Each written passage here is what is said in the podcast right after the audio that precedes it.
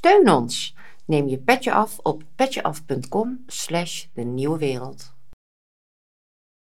Welkom bij de Nieuwe Wereld, verdiepende gesprekken in een tijd van verandering. Mijn naam is Jurgen Tiekstra, ik ben journalist en ik zit hier met Conjan Brink van het Planbureau voor de Leefomgeving om te praten over fossiele subsidies.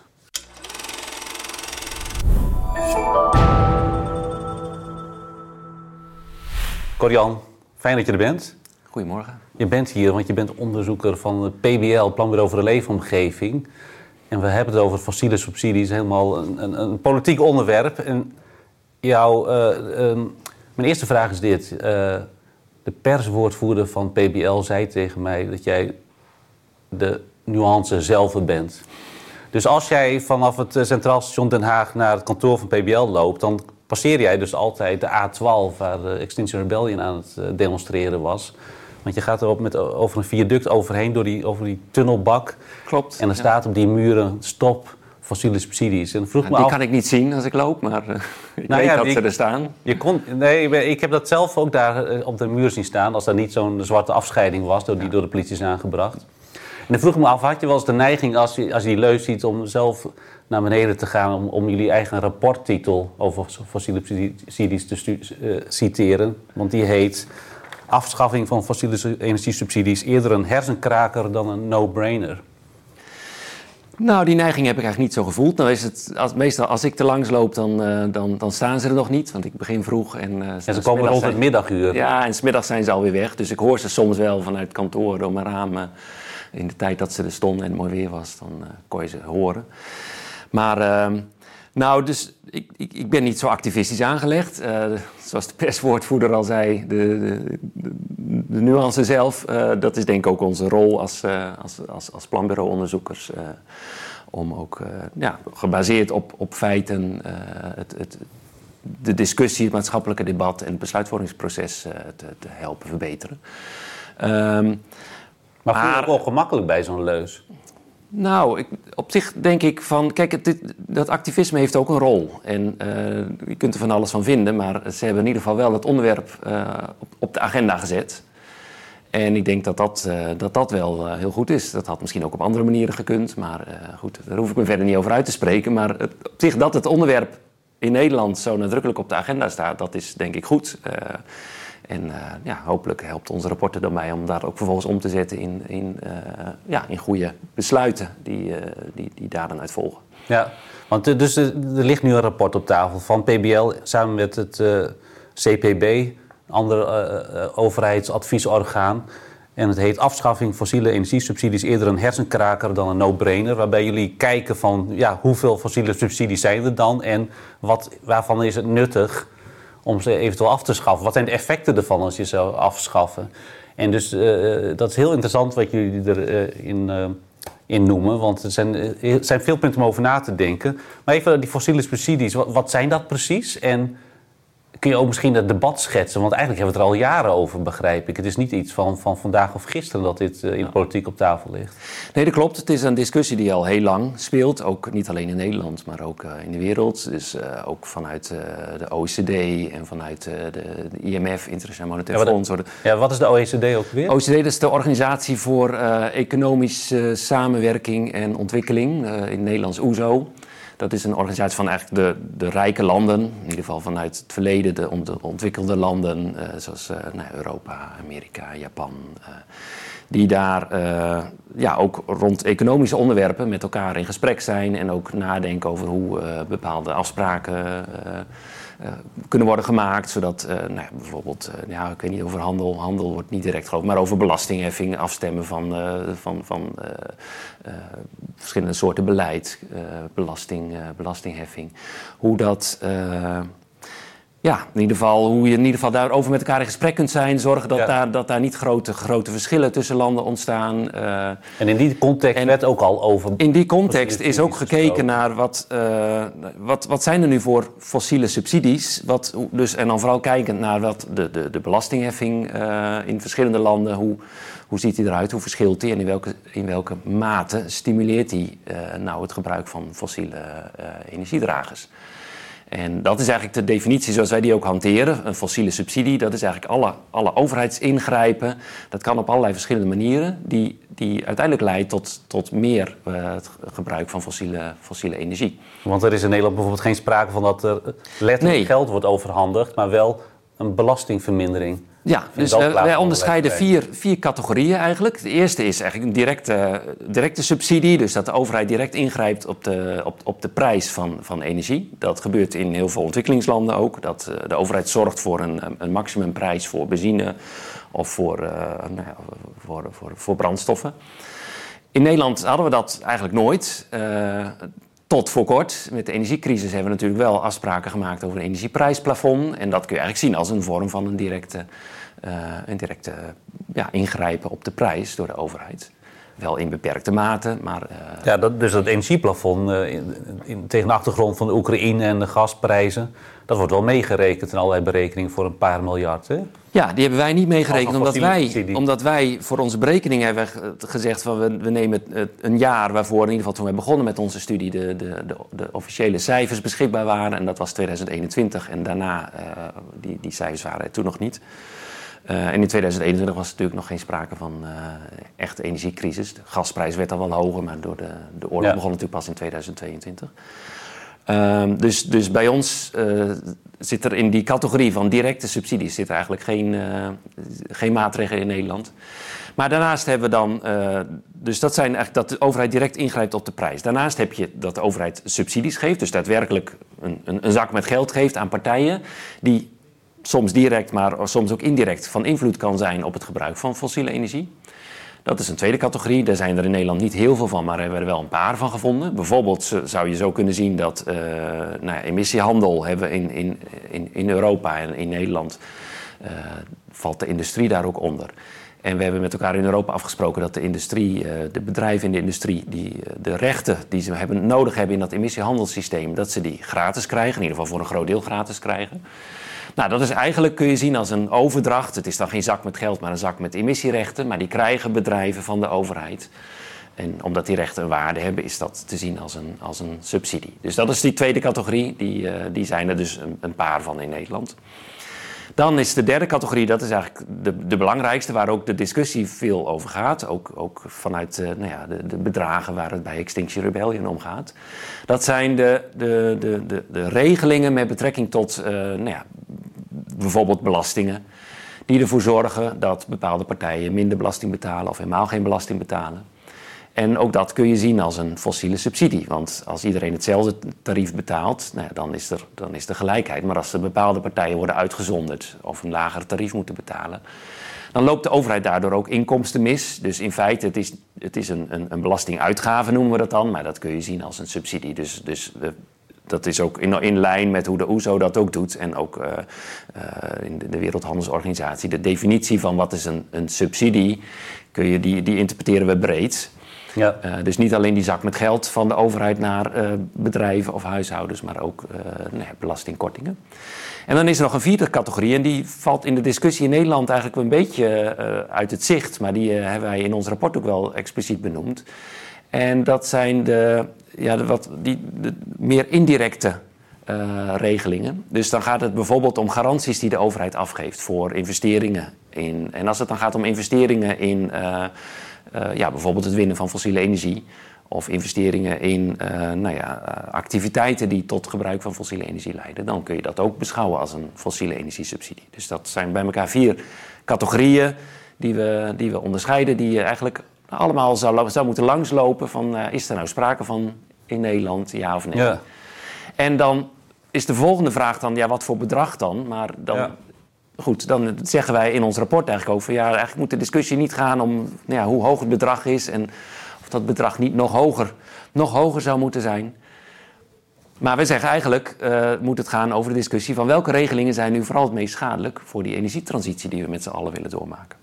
Ja, want inderdaad, met bedragen eh, kan je misschien makkelijk schermen en die, die zijn nogal wisselend. Hè? Dus van, van in het verleden, nou, tot een paar jaar geleden, eh, de OECD dus ook zegt 4,5 miljard. Ja, Maar nu, eh ministerie van Financiën in 2023 tot aan 46 miljard. Uh, Alman Metten, dat is een oud PvdA, die heeft, is opvallend geweest omdat hij wat publicaties hierover heeft gedaan. Die kwam op den duur op 30,8 miljard. Ja. Dus het gaat echt alle kanten uit. Ja. En jullie zitten op 17 miljard, geloof ik, aan mijn hoofd. Wij zitten op 17 miljard. Uh, dus je ziet inderdaad dat in, in de loop van de tijd die bedragen steeds groter werden. En het begon met, met uh, iets, een, een studie die uh, op verzoek van het Nederlandse kabinet door de, de OESO e en de, de IEA, dus de Internationale Energieagentschap, uh, zijn uitgevoerd. Die kwamen uit mijn hoofd op iets van 4,5 miljard uit. Dus die hebben uh, volgens bepaalde standaarden hebben zij, die regelingen langsgelopen en hebben ze daar een, een bedrag aan gehangen. Daar stonden ook een heel aantal regelingen op, op PM. Dus daar was, die, die, daar, die werden wel als, als regeling geïdentificeerd. Want daar is een fossiele, sprake van een fossiele subsidie, maar we kunnen daar geen bedrag aan hangen. Wat bedoel je met PM? Ja, dat heet uh, pro-memorie of postmemorie. Uh, dus dat is een, een post die, die er wel is, maar die je niet, die je niet kwantificeert. Maar dan zeg je PM om hem wel, om hem wel niet te vergeten. Ja. Dus, ja. dus die bedragen, die, er stonden geen bedragen bij, dus in die 4,5 miljard zitten die niet. Maar ze werden wel benoemd als, uh, als regelingen waar je nou ja, in ieder geval nog eens naar zou moeten kijken. En, uh, en, en, en, wellicht nog eens nadere studies daarna zou moeten doen om te kijken of je daar wel een bedrag aan zou kunnen koppelen. In de uh, begroot, latere begrotingen heeft in de miljoenennota van, ik denk 2021, heeft, heeft het kabinet ook langs dezelfde lijn ook uh, die, die fossiele subsidies in, in beeld gebracht. En toen hebben ze ook op een vergelijkbare manier hebben ze een aantal uh, posten niet gekwantificeerd. En daarna is inderdaad een Mette gekomen. En die heeft gezegd, ja, maar je kunt wel zeggen van dat kunnen we niet berekenen. Maar eigenlijk kan ik op basis van gegevens van CBS kan ik al best een heel eind komen. En die heeft uh, ja, eigenlijk op een, hele transparante manier, maar heeft hij met een aantal keuzes heeft hij in beeld gebracht van, nou ja, die, die posten die nu op PM staan, die kan ik, kan ik best een, een orde grootte van aangeven en dan kom ik op 17 miljard. En dat was bijvoorbeeld een post die, uh, die te maken heeft met uh, ja, de degressiviteit, noemen we dat dan. Dus we hebben in Nederland energiebelasting op aardgas en op elektriciteit. En daarvan hebben we in het verleden al afgesproken van we doen een hoog tarief voor het eerste stukje van het elektriciteitsverbruik. Maar hoe meer je gebruikt, dus als je echt een groot gebruiker bent, dus dan betaal je voor het, voor het, het, het latere stuk betaal je een lager tarief. We hebben vier schijven, dus het eerste, dat, dat, daar vallen de meeste huishoudens onder. De eerste schijf dat is het hoogste tarief. Dan heb je tweede, derde en vierde schijf en het tarief wordt elke keer een stukje lager. En ja. hoe meer je gebruikt, nou ja, in, in, dan dan kom je in die lagere, in die lagere tariefs. Uh, dus daar profiteert de industrie van, glastuinbouw? Daar profiteren de, de grootverbruikers van. En dat zijn inderdaad de energie-intensieve industrie, uh, glastuinbouw. Dus de, de, de, mensen die veel aardgas gebruiken. En dat wil niet zeggen dat zij niet ook dat hoge tarief betalen. Maar voor hen is dat, dat, is dat maar een klein stukje van hun totale verbruik. En het grootste deel van hun verbruik zal in een, een, een hogere schijf, dus met een lager tarief vallen. Ja. Um, maar dat zijn natuurlijk ook dat, dat, betekent dus dat, dat bedrijven voor een deel van hun aardgasverbruik een lager tarief betalen dan huishoudens. Dus dat kun je zien als een fossiele subsidie. Dus op die manier heeft uh, Alma Mette toen berekend van ja, als ik eigenlijk al het aardgasverbruik nou tegen het eerste schijftarief zou afrekenen, dan zou ik zoveel miljard ophalen. Maar ik zie in de begroting dat de overheid maar zoveel miljard ophaalt. Nou, het verschil tussen die twee is de fossiele subsidie die met die degressieve tarieven samenhangt. Of je zou als huishouden uh, je kachel op 100 graden moeten zetten. Dan word je ook een groot verbruiker. Dan word je ook een groot verbruiker. Een tarief. Ja, maar goed, dan betaal je dus, dus het is ook niet zo dat die bedrijven natuurlijk niet dat hoge tarief betalen, maar dat is voor hen maar een klein stukje. Ja, dus het is, je bent natuurlijk altijd goedkoper uit als je minder gebruikt. Dat blijft. Ja. Alleen waar het om gaat, zoals wij als economen daar ook tegen aankijken, je wilt dat, wat wij dan zeggen, aan de marge, dus aan het, voor het stukje extra verbruik of het stukje wat je dan minder verbruikt als je bijvoorbeeld een energiebesparingsmaatregel neemt. Wat levert dat op? Ja. En dan levert dat bij een huishouden meer op als je nog dat ja. hoge, hoge tarief betaalt dan als je nou ja, ver in, uh, in, in, de vierde schijf zit. En ja, dan levert elke, elke kubieke meter gas die je minder verstookt, ja, levert maar uh, een, een paar cent minder belasting op. Dus als je puur zo kijkt, zou het heel gunstig zijn als, als het steeds de tarief steeds verder omhoog gaat. Naarmate je meer verstookt. Ja, nou ja, een enorme stimulans om, om snel laaghangend fruit te plukken, bij wijze van spreken, en uh, te dalen in. Uh... Ja, maar er zijn natuurlijk wel goede redenen waarom, waarom we dat destijds hebben afgesproken. En dat heeft te maken met uh, dat juist die bedrijven die veel energie verbruiken, dat die ook op een internationale markt opereren. En dat je niet wil dat, die, uh, dat de belasting die ze in Nederland betalen, dat die heel erg uit de pas loopt met uh, belastingen die ze in andere landen zouden betalen.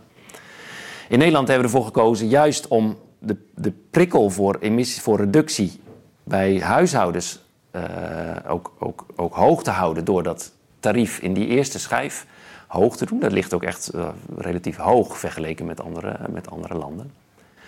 Maar je, dus als je dat. Uh, nou ja, dus toen hebben we gezegd, ja, dan leggen we dat daar hoog. Maar dan willen we dat niet natuurlijk voor al die bedrijven die anders wellicht Nederland dan gaan verlaten. Willen we dat, dat tarief lager. Dus daarom hebben we die schijven geïntroduceerd. Ja. En dan is daar nog, daarbinnen dan nog weer onderscheid dat je natuurlijk ook verschillende soorten bedrijven hebt. Van bedrijven die de echte grootverbruikers, dat zijn ook de, de internationaal concurrerende bedrijven. De bedrijven die daar een beetje tussen zitten, ja, dat zal vaak, uh, die zullen wat minder op een mondiale markt opereren, misschien meer Europees. Of, uh, dus daar is dat dan iets minder van belang. En zo is daar ja. wat differentiatie in aangebracht. Dus je had het over allemaal metten die dit ook ging kwantificeren, hè? die PM-post. Ja. Pro-memorie. En ja. hij, uiteindelijk ging hij zelfs nog naar 30,8 miljard, of wat las ik nou net voor. Ja. Dus hij steeg met nog een latere berekening. Ja, in 2023 heeft hij nog eens een keer opnieuw gedaan. En toen uh, kwam hij nog hoger uit, ook door een aantal andere keuzes die hij gemaakt heeft. En, en toen ja, dus dat, toen werd het 30 miljard en toen kwam de Milieudefensie en, met, en, en SOMO met een rapport. Die kwamen op uh, 37, geloof ja, ik. Nou, en dat is klap op de bekend. En SOMO is, wat is dat nou precies voor club? Ja, ik weet ook niet precies waar de afkorting voor staat, eerlijk gezegd. Oh, maar die hebben in ieder geval ook een berekening heel recent gemaakt. En als klap ja. op de vuurpijl, wou je zeggen? Kwam toen het kabinet zelf met uh, de miljoenennota van, uh, van, van dit jaar. Uh, met een bedrag van nou ja, 40 miljard, 40 tot 46. Heeft je dat verbaasd? Nou, heeft me niet verbaasd, maar uh, kijk wat zij hebben gedaan. Dus er is ook wel afstemming geweest tussen, tussen uh, het ministerie van Financiën en Economische Zaken en, en ons. Want wij waren gelijktijdig met, met deze materie bezig. We waren gelijktijdig met die berekeningen bezig. Dus het zou voor, voor ons allebei natuurlijk heel onhandig zijn als we ongeveer tegelijkertijd uitkwamen en hele verschillende benaderingen hadden. En als, bedoel, dat, dat had natuurlijk prima gekund dat er verschillende benaderingen waren, maar dan moesten we dat ja, ook met goede argumenten, dus dan moesten we dat ook van elkaar weten. Uh, maar eigenlijk zaten we heel erg op één lijn in wat we. Uh, in, in, in, in, in hoe we de, de, de omvang van die fossiele energiesubsidies uh, wilden berekenen. Hoe bedoel je? Want, want de maar, miljoenennota gaat over 40 miljard en jullie hebben het over. Nou ja, precies. Miljard. Maar Kijk, wij hebben een keuze gemaakt. Wij hebben eigenlijk een onderscheid gemaakt tussen de, wat wij dan noemen de directe fossiele, fossiele energiesubsidies. Dat zijn fossiele energiesubsidies die eigenlijk direct aangrijpen op het energiegebruik en op de emissies die, daar, eh, die daarmee te maken hebben. Maar zoals ik net al zei, er zijn ook heel wat regelingen die meer indirect, die wel een link hebben met fossiele energiegebruik, maar eh, niet direct uh, via, zoals een belasting op energie bijvoorbeeld, aangrijpen op energiegebruik. En dan gaat het bijvoorbeeld om uh, nou, BTW op vliegtickets, is dan wel een heel mooi voorbeeld. Dat is niet direct gelinkt aan het kerosineverbruik van, uh, van, van, van die vlucht waar je de ticket voor koopt. dus even, die tickets, die zijn, tickets zijn vrijgesteld van BTW. Dus als je een vliegticket koopt, hoef je daar geen BTW over af te dragen. Terwijl natuurlijk over alle andere dingen die we kopen, moet, moet dat wel.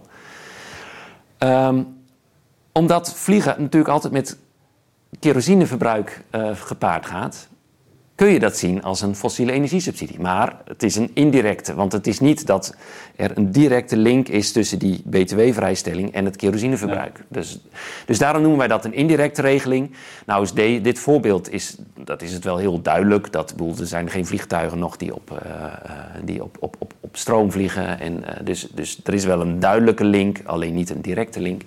Maar er zijn ook regelingen die, die nog veel indirecter zijn, waar je ook over kunt discussiëren van ja, is dat nou te zien als een fossiele energiesubsidie of niet. Dus alle, alle regelingen die te maken hebben met uh, de, de, de, de, motorrijtuigenbelasting, vrijstellingen daarvoor die er zijn, ja, die gelden voor auto's die op benzine of diesel rijden, maar die gelden ook voor auto's die op elektriciteit rijden. Kijk, zolang het merendeel van het wagenpark uh, nog op, op benzine of diesel rijdt, kun je zeggen van ja, het is wel eigenlijk een fossiele energiesubsidie. In ieder geval voor een groot deel. Maar op het moment dat steeds meer elektrische auto's uh, in dat wagenpark komen, dan, dan wordt het al minder een, een fossiele energiesubsidie. Dus daar, daar is gewoon discussie over. Dat benoemen we in ons rapport ook. Dus we benoemen ook vooral van waarom zou je het wel een fossiele energiesubsidie noemen, of waarom zou je, het, zou dat, zou je dat niet uh, zo willen ja. doen. Maar daarom hebben wij gezegd van laten we dat nou niet gaan kwantificeren. Want dan kom je soms tot hele grote bedragen waarvan je eigenlijk weet van ja, maar die zijn niet helemaal. Daar zou je, nou ja, er zit wat nuance in. Dus laten we daarvan wegblijven. Dus we benoemen ze. En we, we, kwantificeren die niet. Dus daarom zitten ze bij ons niet in dat bedrag. Die 17 miljard uh, die je noemt, uh, daar zitten ze niet in. Het kabinet neemt ze wel mee. En dan blijkt ook dat het soms om hele grote regelingen gaat. Dus uh, een van de indirecte regelingen die zij meenemen is dat het gebruik van, van olie en olieproducten bij de productie van, van chemische producten, dus plastics en andere chemische, chemische producten, dat is vrijgesteld. Dat is ook wettelijk zo vastgelegd. Daar hebben we Europese afspraken over gemaakt. Dat je dat, dat, je dat niet mag belasten als, als land. maar als je dat wel zou doen en je zou daar het accijnstarief wat we aan de pomp voor diesel betalen voor gebruiken, dan kom je op een heel groot bedrag. Nou, dat heeft, dat heeft het kabinet meegenomen. Daardoor kwamen ze op een bedrag van 14 miljard voor die post. Dus dat verklaart al voor een heel belangrijk deel dat verschil tussen die 40 miljard van het kabinet en uh, het bedrag van uh, 17 miljard waar wij uh, op uitkwamen. Ja. Maar uiteindelijk wat jullie willen benadrukken is, het gaat om het effect. Wat kan je bereiken? En het verbaast me dat daar zoveel, uh, onder, onder economen ook zoveel verschil van inzicht over is. Want een tijdje geleden kwam ik hoogleraar energie-economie Magiel Mulder tegen, toevallig. En die heeft hier ook wel eens gezeten. En die zegt, ik ga binnenkort in het vakblad ESB een stuk schrijven... samen met andere kenners van het onderwerp. En, en het komt erop neer dat ja, ze zitten daar te demonstreren op de A12... maar het heeft allemaal geen zin om die fossiele subsidies af te schaffen... in het, in het kader van het emissiehandelssysteem dat heel effectief werkt. En... Um, daar heeft hij, dat stuk heeft hij ook gepubliceerd. Maar dan heb je hoogleraar als Zweder van Wijnbergen, hoe heet hij? Uh, uh, Rick van der Ploeg, ook allemaal hoogleraar economieën, die daar helemaal tegen ingaan. En, en uh, dus op dat hele hoogstaande economisch niveau wordt daar ja. heel verschillend over gedacht. Hoe kan dat dat er zoveel verschil van inzicht over is? Nou, dus kijk, uiteindelijk denk ik niet dat we het allemaal heel erg met elkaar oneens zijn. Maar het is ook van waar leg je, waar leg je de nadruk en, waar, uh, en, en welke nuance uh, neem je mee in, in, in het debat. Uh, kijk, wij benoemen dat Europese emissiehandelssysteem ook als een belangrijke uh, nou ja, hersenkraker. Uh, in onze titel noemen we die hersenkraker ook niet voor niks. Dat is niet alleen het ETS, er zijn nog heel veel andere dingen, maar dat is, dat is wel een van de dingen. Je kunt in Nederland van alles doen, maar we hebben ook een, een Europese uh, beleidsmix al. En, en een hele belangrijke daarvan is dat emissiehandelssysteem. En wat houdt het in, dat systeem? Dat, dat systeem dat legt eigenlijk al een, een plafond op de totale emissies in Europa. En dat plafond dat hebben we met elkaar afgesproken. Dat plafond dat gaat elk jaar een stukje verder naar beneden. En in 2040 uh, zal dat op nul uitkomen. En dat betekent dat die emissies uiteindelijk. Dus er zijn er geen rechten meer te vergeven, niet meer Dan komen er geen nieuwe rechten meer op de markt. Dus eigenlijk over 17 jaar? In 2040 of vrij snel daarna. Want je kunt rechten ook nog oppotten voor de jaren daarna. Dus het kan zijn dat bedrijven uh, gaan hamsteren en die, ja. en die bedrijven dan uh, en, die, en die rechten dan voor, de, ja, voor latere jaren. Maar op een gegeven moment houdt het op. Want als er geen nieuwe ja. meer bij komen. Dan en dan is... gaat het over de industrie? Dan gaat het over de elektriciteitssector en de, en de energie-intensieve industrie. Dus de, de, eigenlijk de grote uitstoters in, in Europa. Die vallen daar allemaal onder. En. Um, dus wat die economen, wat Michiel Mulder en, en, en zijn co-auteurs uh, eigenlijk benadrukken in dat stuk, is: ja, je kunt wel die fossiele energiesubsidies willen afschaffen, maar kijk, uiteindelijk gaat het toch al vrij snel, in ieder geval in, in, in, nou ja, in, in, in de termen van het klimaatdebat. In 2050 willen we naar nul, in 2040 zit het emissiehandelssysteem al op nul. Dus dan kun je zeggen, gaat het toch alweer op relatief korte termijn gaan we al naar nul. Dus waarom zou je nou heel druk maken om die fossiele energiesubsidies en die afschaffen en alle, alle nou ja, mogelijk negatieve gevolgen die dat dan met zich mee zou kunnen brengen voor bedrijven, als het eigenlijk allemaal al langs de Europese weg uh, is geregeld. Ja, bovendien wordt dat komt er een tweede deel van het emissiehandelssysteem, dat ook, dat ETS 2, dat gaat ook over mobiliteit, bebouwde omgeving, dat ja. als eindjaar 2044? Nou ja, dat is allemaal wat meer onzeker. Dus daar zijn ze wat optimistischer over. Uh, kijk, dat moeten we nog zien. Er komt inderdaad een tweede emissiehandelssysteem. Omdat uh, we eigenlijk in Europa zien dat het heel goed werkt. is in, heeft de Europese Commissie voorgesteld, en daar hebben alle landen zich inmiddels achter, achter geschaard, en ook het Europees Parlement. Van kijk, dat emissiehandelssysteem wat we nu hebben, dat gaat dus alleen, zoals ik zei, over de, de grote vervuilers. Dus de, de elektriciteitssector en de grote, de grote bedrijven, de industrie. Maar we hebben natuurlijk een heel belangrijk deel en een steeds groter aandeel in de totale emissies komt van, de, van wegtransport en van de gebouwde omgeving. Dus alle nou ja, verwarming, uh, emissies die, die met verwarming van huizen en gebouwen te maken hebben.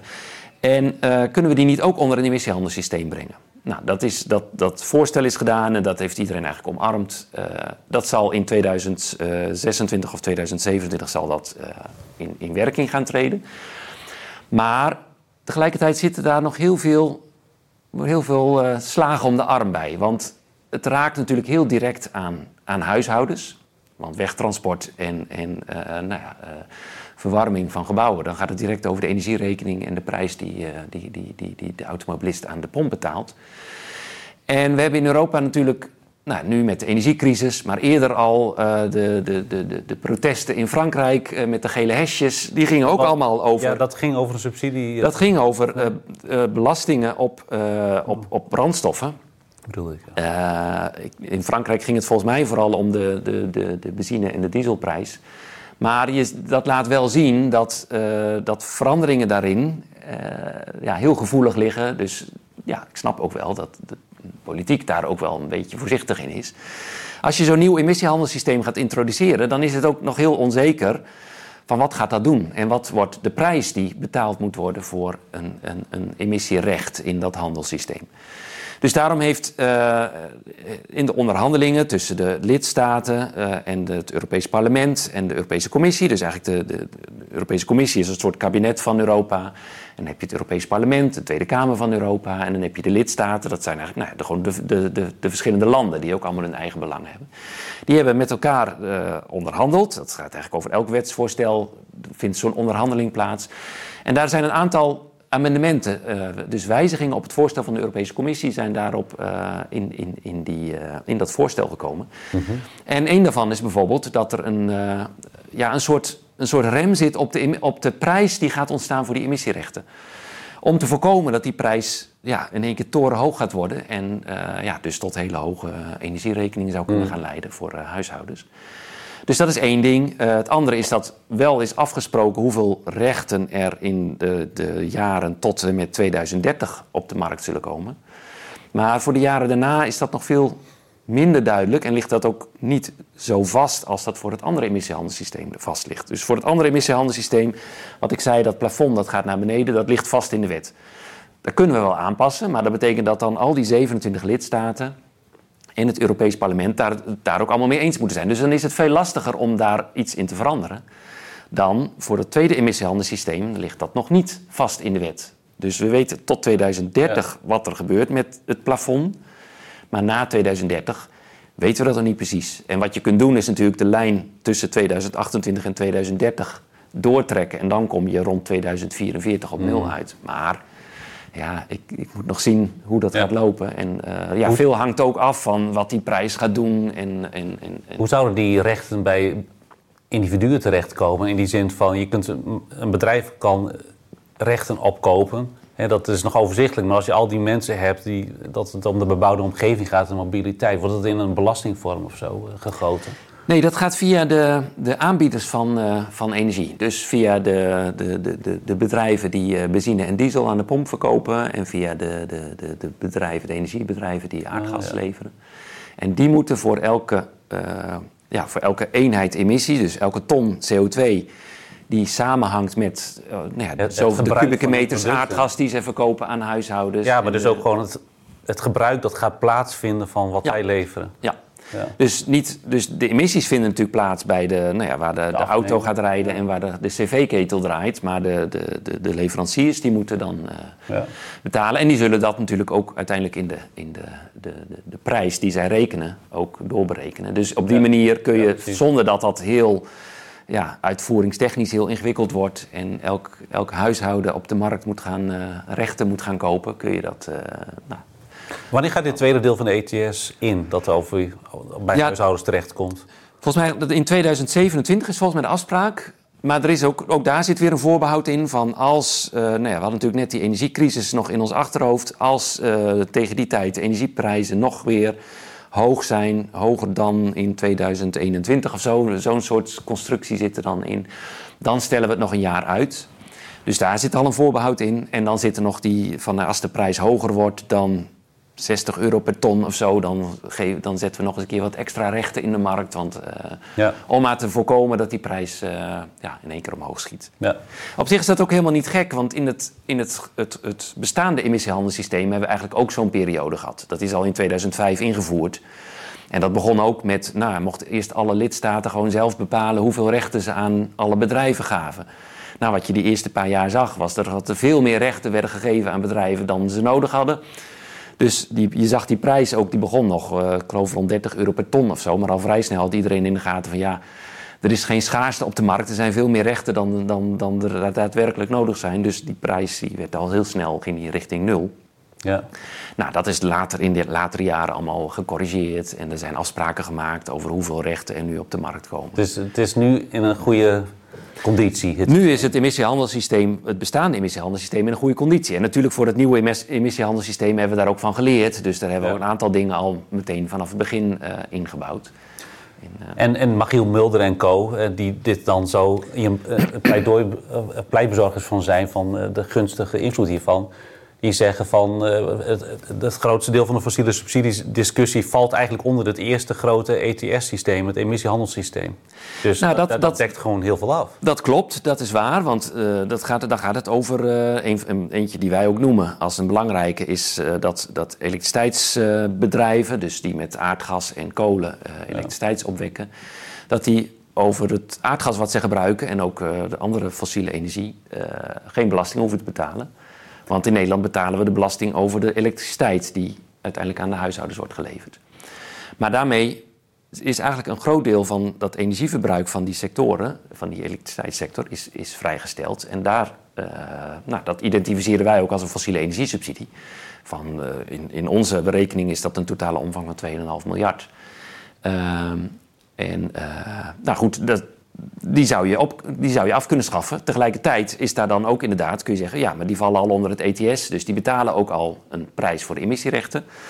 Maar toch zeggen wij van is er wel reden om, om er in ieder geval over na te denken en er een, politiek uh, ja. besluit over te nemen. Want tot, tot dat, dat aanbod van rechten nul is, dus tot 2040, uh, is er nog steeds sprake van emissies de prijs, in ieder geval de prijs die er nu is, ook al is die al fors hoger dan, uh, dan een paar jaar geleden. Nu wordt er iets van 80, 85 euro per ton uh, moet je betalen voor een, voor een emissierecht. Uh, maar nog steeds is dat nou, eigenlijk te weinig gezien de, de klimaatschade die, die je aan een, aan een ton CO2 zou kunnen zou ja, wordt, wat, is wat, wat is het prijskaartje dat wordt gebruikt voor een ton CO2-uitstoot? 130 euro per ton is een, is een bedrag wat, uh, dus dat heet, noem, heet, dan de centrale waarde. Er zit heel veel onzekerheid omheen, maar de 130 euro per ton is het bedrag wat nu, in ieder geval voor 2021, uh, het bedrag dat loopt ook op in de tijd. Dus uh, voor dit jaar dan zou het ook alweer iets van 10% hoger liggen, geloof ik. Maar het bedrag wat, wij, wat wij gebruiken voor 2021 is 130 euro per ton. En dat is dus eigenlijk, daarmee zeg je eigenlijk voor elke ton CO2 die wordt uitgestoten, uh, die heeft klimaatschade, die draagt bij aan klimaatschade. Maar dat We weten niet precies hoeveel dat is. Nee. Er zijn ook nou ja, allerlei studies die daar iets over zeggen, maar eigenlijk hebben wij in deze Nederlandse, dat, dat staat allemaal in een, een, het handboek Milieuprijzen, daar is allemaal vastgelegd wat we voor ook voor heel veel andere emissies, wat we daarvoor Wie het samengesteld, het handboek? Dat heeft uh, het bureau C Delft uh, opgesteld. Op, oh, dat is echt voor uh, Nederlandse opdracht, situatie? In opdracht van het kabinet. Het is een Nederlandse CO2-prijs? Dat is een Nederlandse CO2-prijs. Maar ze hebben daarvoor ook wel naar de internationale literatuur gekeken. Ook gekeken wat andere, ja. andere landen doen. Ja. En dat heeft geleid tot nou ja, een, een, een, een richtprijs...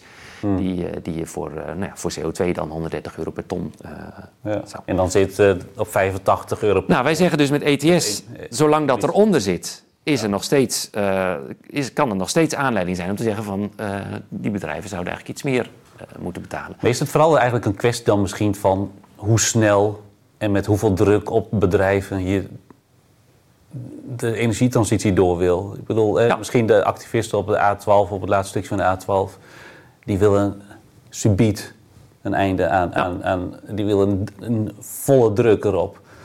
Uh, maar nu, nu, nu wordt, kijken we naar 2040 bijvoorbeeld, hè, dat, dat die emissierechten helemaal verdwijnen uit dat deel van de, de economie. Dat is misschien gewoon een tijdsverschil. Jazeker, dat is het ook. En dat heeft te maken met ja, hoe belangrijk vind je het? Nou, uiteindelijk is dat gelukkig niet aan ons als planbureaus, maar is dat aan het kabinet om uiteindelijk daar een afweging te maken. Waarbij je natuurlijk ja, verschillende belangen ook en verschillende uh, effecten tegen elkaar af moet wegen. Want uh, ja, uh, broeikasgasreductie is belangrijk, maar ja, er zijn ook andere dingen belangrijk. Betaalbaarheid, ja. ook, ja, we schieten er ook niet zoveel mee op. Dat punt wat, wat Magiel Mulder en anderen ook aan, aan, aan, aan roe aanstippen. en wij ook. ja, we schieten er ook niet zoveel mee op als we in Nederland heel erg ver voorop lopen en de prijzen heel hoog van energie heel hoog maken. En dat bedrijven die ja, uh, in de keuze van waar gaan we iets produceren, eigenlijk heel flexibel zijn en zeggen: ja, we kunnen dat in Nederland doen, maar we kunnen dat ook bij onze vestiging uh, elders in Europa of elders in de wereld doen.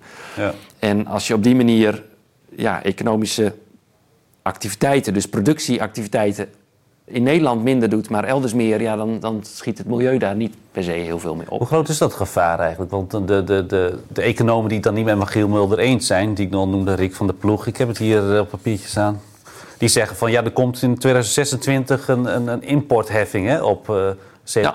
na, na parallel van de CO2-beprijzing. De CBAM, ja. Carbon Border Adjustment Mechanism. Ja.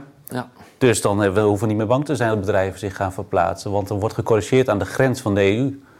Nou, dat klopt. Dat helpt in ieder geval. Uh, voor die sectoren helpt dat, helpt dat zeker. Uh, of in ieder geval moeten we gaan zien. Maar is de verwachting dat dat wel uh, zorgt voor ook een meer gelijk speelveld. Dus dat betekent dat als je in staal in Europa produceert, dan, dan, val je onder het ETS. Dus dan moet je die prijs van nou, nu 80 euro per ton betalen voor elke ton CO2 die je uitstoot.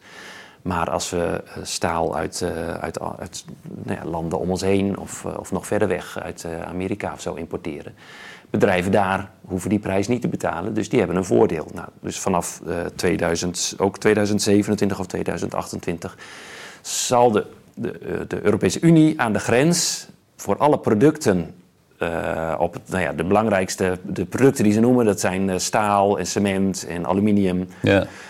nog een paar kunstmest producten waarbij de productie veel uh, CO2-emissies ontstaan. Daar zullen we aan de grens een, een heffing opleggen die, uh, ja, die, die, die, die, uh, nou, die, die je eigenlijk legt op de emissies, die CO2-emissies die zijn ontstaan bij de productie ja. in China, Amerika. Ja, dus dat is iets later. Ik zei 2026, dus het is iets later. Nou ja, volgens mij het wordt geleidelijk aan geïntroduceerd. Ja. maar, dat, maar goed, dat, wordt nu, dat is natuurlijk ook een hele operatie. Ja. ook voor, maar nu bijvoorbeeld uh, is al in gang gezet dat bedrijven die uh, producten importeren uit landen buiten de EU, dat die al hun rapportages op orde moeten gaan brengen. Dus die moeten al gaan rapporteren hoeveel ze importeren en ook van hoeveel CO2-emissies daar dan mee gepaard zijn. Dus voor het echt werkt, uh, nou ja, gaan we richting 2030. ik dacht 2028, maar dat, zou, dat weet ik niet precies. Maar ergens rond die jaren zal het echt maar dat, dat is niet voor alle producten die we importeren. Dus dat helpt wel. En het zijn ook de producten waar, uh, die, die met veel emissies gepaard gaan. Maar als we bijvoorbeeld een auto importeren vanuit, uh, nou, vanuit China. kijk, het staal wat daar gemaakt is en daar in een auto terechtkomt en dan naar Europa gaat. Daar valt nog niet zo'n zo'n grensheffing op. Dus de grote zorg van bedrijven is ook van ja, dan uh, raken we de staalindustrie in Europa kwijt, omdat die staalindustrie gewoon bij de, de ja, bij de autobedrijven in de buurt gaat zitten. En uh, ja, dat zijn allemaal dingen die, die, ja. die een rol kunnen spelen, die in ieder geval, als je de, de, de, vanuit de theorie over nadenkt, die, uh, die je verwacht dat een rol zullen spelen.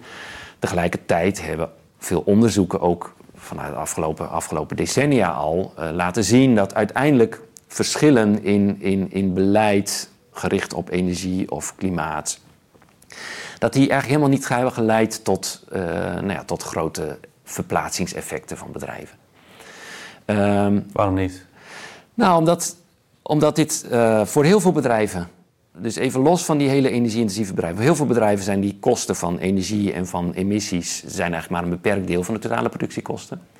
En er zijn ook eh, voor heel veel bedrijven uh, ja, allerlei andere redenen waarom ze in Europa willen zitten. Of waarom ze misschien juist in Nederland willen zitten. We hebben hier ook natuurlijk een, een gunstige positie met uh, onze zeehavens, met een hoogopgeleide beroepsbevolking, met een stabiele regering. En zo, dat zijn allemaal, allemaal ja, aspecten die ook een rol spelen in zo'n zo'n beslissing van een bedrijf van waar ga ik, uh, waar ga ik mijn, mijn, mijn productie... Uh, de verbinding met Duitsland via de Maas en de Waal? Of? Verbinding met, ja. ja of de dus, Rijn en de Waal? Ja, dus, dus het achterland inderdaad. Ja. Uh, de goede verbindingen met het achterland zijn heel belangrijk. Ja.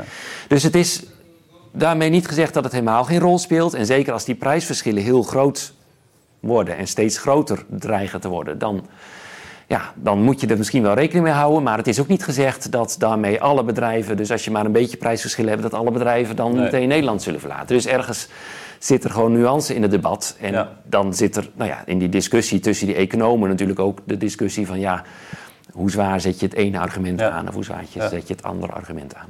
Een belangrijk argument wat uh, Zweden van Wijberg en anderen ook noemen. Uh, en waar, wat wij ook in ons rapport benoemen, is uh, ook dat overal waar je bedrijven een lager tarief geeft of vrijstelt van belastingen. Dat, dat leidt ook tot verschillen, tot verdelingseffecten binnen, binnen een, een samenleving. Ook, dus, dus ook de verdeling tussen wat huishoudens betalen en wat bedrijven betalen. Want waar je een bedrijf vrijstelt, ja, ergens, de overheid moet ergens wel zijn geld vandaan halen. Dus dat betekent dat er ergens anders hogere belastingen geheven zullen moeten worden. En ook dat is een aspect wat, uh, ja, wat in die afweging meegenomen moet worden. Dus wat in die politieke afweging ook een plek uh, moet krijgen. Ja, nou, in die zin als, als dat een belastingmaatregel is een stimulans om een bepaald gedrag te creëren of te stimuleren. Maar als het echt een, een belangrijke inkomstenbron gaat worden voor de overheid, dan, dan, dan, ja, dan moet de verschuiving gecompenseerd worden doordat de burger bijvoorbeeld meer gaat betalen. Ja, ik bedoel, ja. Het ligt eraan hoe, hoe, belangrijk die inkomensstroom voor de overheid wordt. Ja, maar natuurlijk. gaat er altijd ja. wel iets mee doen natuurlijk. Dus. Ja, want en als, je, als je miljarden ergens op kunt halen, dan hoef je die ergens anders ja. niet binnen te halen. Ja. Maar goed, tegelijkertijd, uh, die miljarden, zoals die genoemd worden in de, de discussie over fossiele energiesubsidies. Uh, dat is ook niet gezegd dat dat de miljarden zijn die je binnenhaalt als je ze nee. zou afschaffen. Want, en aan het e ETS, het emissiehandelssysteem, verdient Nederland ook behoorlijk veel. Hè? 600 miljoen euro. Ja, zij, ik weet... zij, zij innen de rechten, de betaalde rechten. Ja, dus elk, elke lidstaat, dus, dus, dus de totale, dus dat emissieplafond dat is afgesproken. Uh, een deel daarvan wordt dus gratis aan bedrijven gegeven, maar een ander deel, uh, ruim de helft, die wordt geveild. En elke lidstaat krijgt volgens een bepaalde verdeelsleutel een, deel van die te veilen rechten en die mogen ze veilen. En Nederland veilt inderdaad ook een deel van die emissierechten. En de opbrengst daarvan die, gaat naar de, ja, naar de, naar de schatkist. Ja. ja. En wat, wat gebeurt er buiten Europa? Uh, China heeft ook een emissieshandelssysteem sinds kort, of begint ermee. Ja. Is dat belangrijk in andere delen van de wereld? Ja, nou, dat is heel belangrijk. Dus dat is ook een van die dingen die, die in, dat, in het debat over die verplaatsing van bedrijvigheid wel belangrijk is. We hebben natuurlijk wel een Parijsakkoord uh, waarin we met elkaar wel hebben afgesproken van we willen voorkomen dat de, de, de temperatuur, uh, nou ja, 2 graden uh, of eigenlijk anderhalve graad zal gaan stijgen in de wereld. Dus we hebben met elkaar afgesproken dat we emissies terug zullen dringen. Nou, is het wel zo natuurlijk dat, dat Europa wel in de wereld wel redelijk voorop loopt in uh, het, het, concreet vormgeven van klimaatbeleid. Maar inderdaad, ook andere landen zitten niet stil. En in China is, is er een emissiehandelssysteem wat nu nog alleen voor de elektriciteitssector geldt. Maar afgelopen week was in het nieuws dat er in ieder geval al de eerste stappen zijn gezet om ook andere sectoren daaronder te brengen. En dat zijn niet geheel toevallig, zijn dat de sectoren die ook in die importheffing uh, uh, genoemd worden. Namelijk de staalsector en de, en de aluminiumproductie en de cement en kunstmest. Dus op die manier, kijk, China heeft ook zich gecommitteerd aan emissiereductie. En tegelijkertijd ziet China ook dat Europa aan de grens straks een heffing gaat introduceren die heffing die zal niet gelden voor landen die ook een emissiehandelssysteem, of in ieder geval een prijs op emissies hebben. Want, uh, of, of, of alleen het verschil tussen die twee. Dus als andere landen een systeem hebben wat vergelijkbaar als Europa is en ook zorgt voor een, een prijs voor emissies van, nou, laten we zeggen, 50 euro per ton of 100 euro per ton. Dan uh, hoeven, de, hoeven voor producten uit die landen geen importheffing meer betaald te worden. Dus op die manier ja, denk ik dat China ook al wel voorsorteert op, mm. op, op die, die, die importheffing die er gaat komen. Ja, en toen, toen ik je eerder sprak, toen zei je in de Verenigde Staten bestaat er niet, maar wel in Californië. Dat is natuurlijk wel de, ja. de bevolkingsrijkste staat van, uh, ja. Van de Verenigde Staten. Californië heeft een, een emissiehandelssysteem wat nou ja, wel op, op, op details anders is, maar wat in grote lijnen wel vergelijkbaar is met het emissiehandelssysteem in, in Europa. Wel zijn de prijzen op dit moment wat, uh, liggen wel een stuk lager. Uh, maar dat is in, in Amerika is dat de enige staat. Er zijn nog een paar staten in het Noordoosten die hebben een emissiehandelssysteem wat beperkt is tot de elektriciteitssector. Uh, Heb je enig idee wat er in India gebeurt? Want ik had net ook een gesprek met Hans van Kleef. Dat is een ander gesprek dat ook online komt. Of net al staat eh, als dit gesprek, uh, dat het, dit gesprek te beluisteren is. Maar dan, ja, de grote drie van de CO2-uitstoot zijn één China, daarna de VS en als derde India. India stoomt ook op met de energievraag. Ja.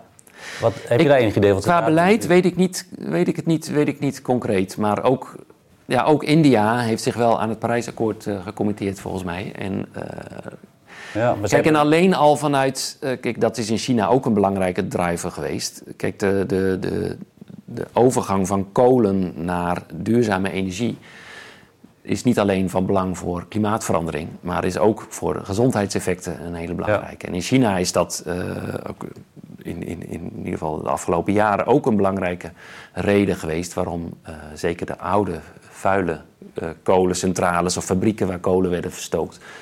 Uh, soms, soms zijn dichtgegaan omdat de, de luchtkwaliteit zo dramatisch was in die grote steden. Uh, ja, dat, dat daar wat aan gedaan moest worden. En ook, ja, in, zeker in grote steden in India zal dat ook een rol spelen. En zal dat ook bij kunnen dragen aan een, aan een versnelde verduurzaming. Ja, wat ik dan wel uh, illustratief vond, wat ik las, is dat bijvoorbeeld in Nederland zweren we het gas nu af. Maar in India en China vinden ze gas eigenlijk een heel uh, wenselijke ontwikkeling. Zodat er bijvoorbeeld huishoudens niet meer op steenkool stoken in China of op hout in India, maar dat het door bijvoorbeeld gas laten vervangen. Ja.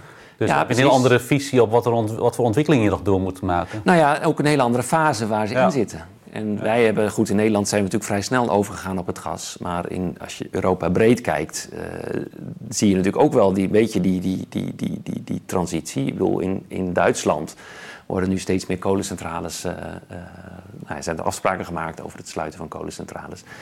Dus in, in Europa zijn we wat dat betreft ook nog niet helemaal, niet Ik bedoel, helemaal klaar. Ja, in Nederland is een wet aangenomen om die kolencentrales van 2013, die toen uh, bijna zijn gebouwd om die weer te sluiten. Maar in Duitsland is het ook aan de orde. Want ik dacht, ja, omdat de kerncentrales dicht zijn gegaan...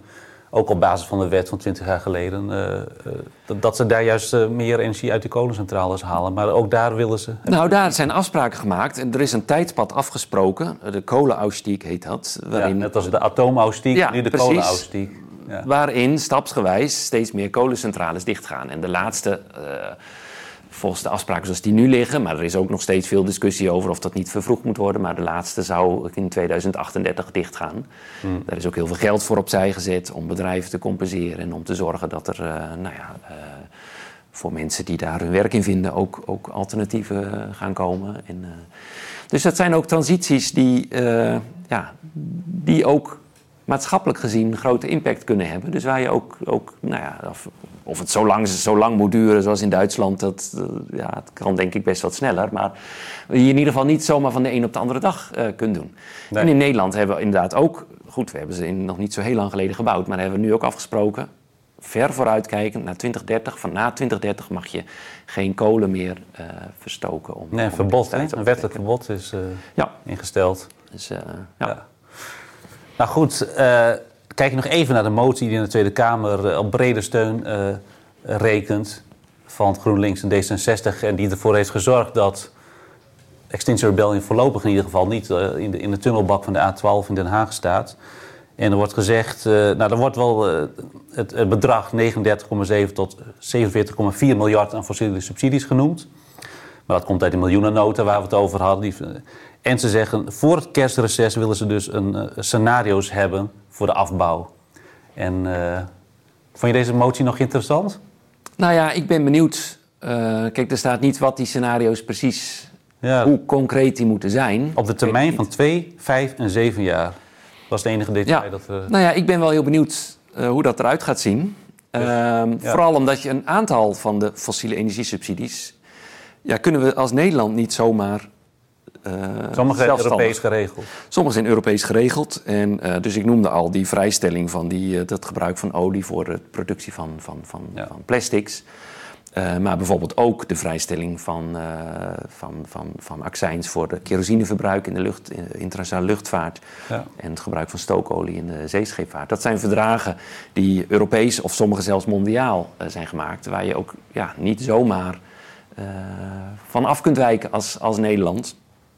Eh, dus dat zal in die scenario's ook aan bod moeten komen. Dus ik, ik lees dit ook niet als dat ze over zeven jaar allemaal afgeschaft moeten zijn. Eh, want Nee. dat kan volgens mij niet eens. Dat kun je in ieder geval niet als Nederlands kabinet garanderen.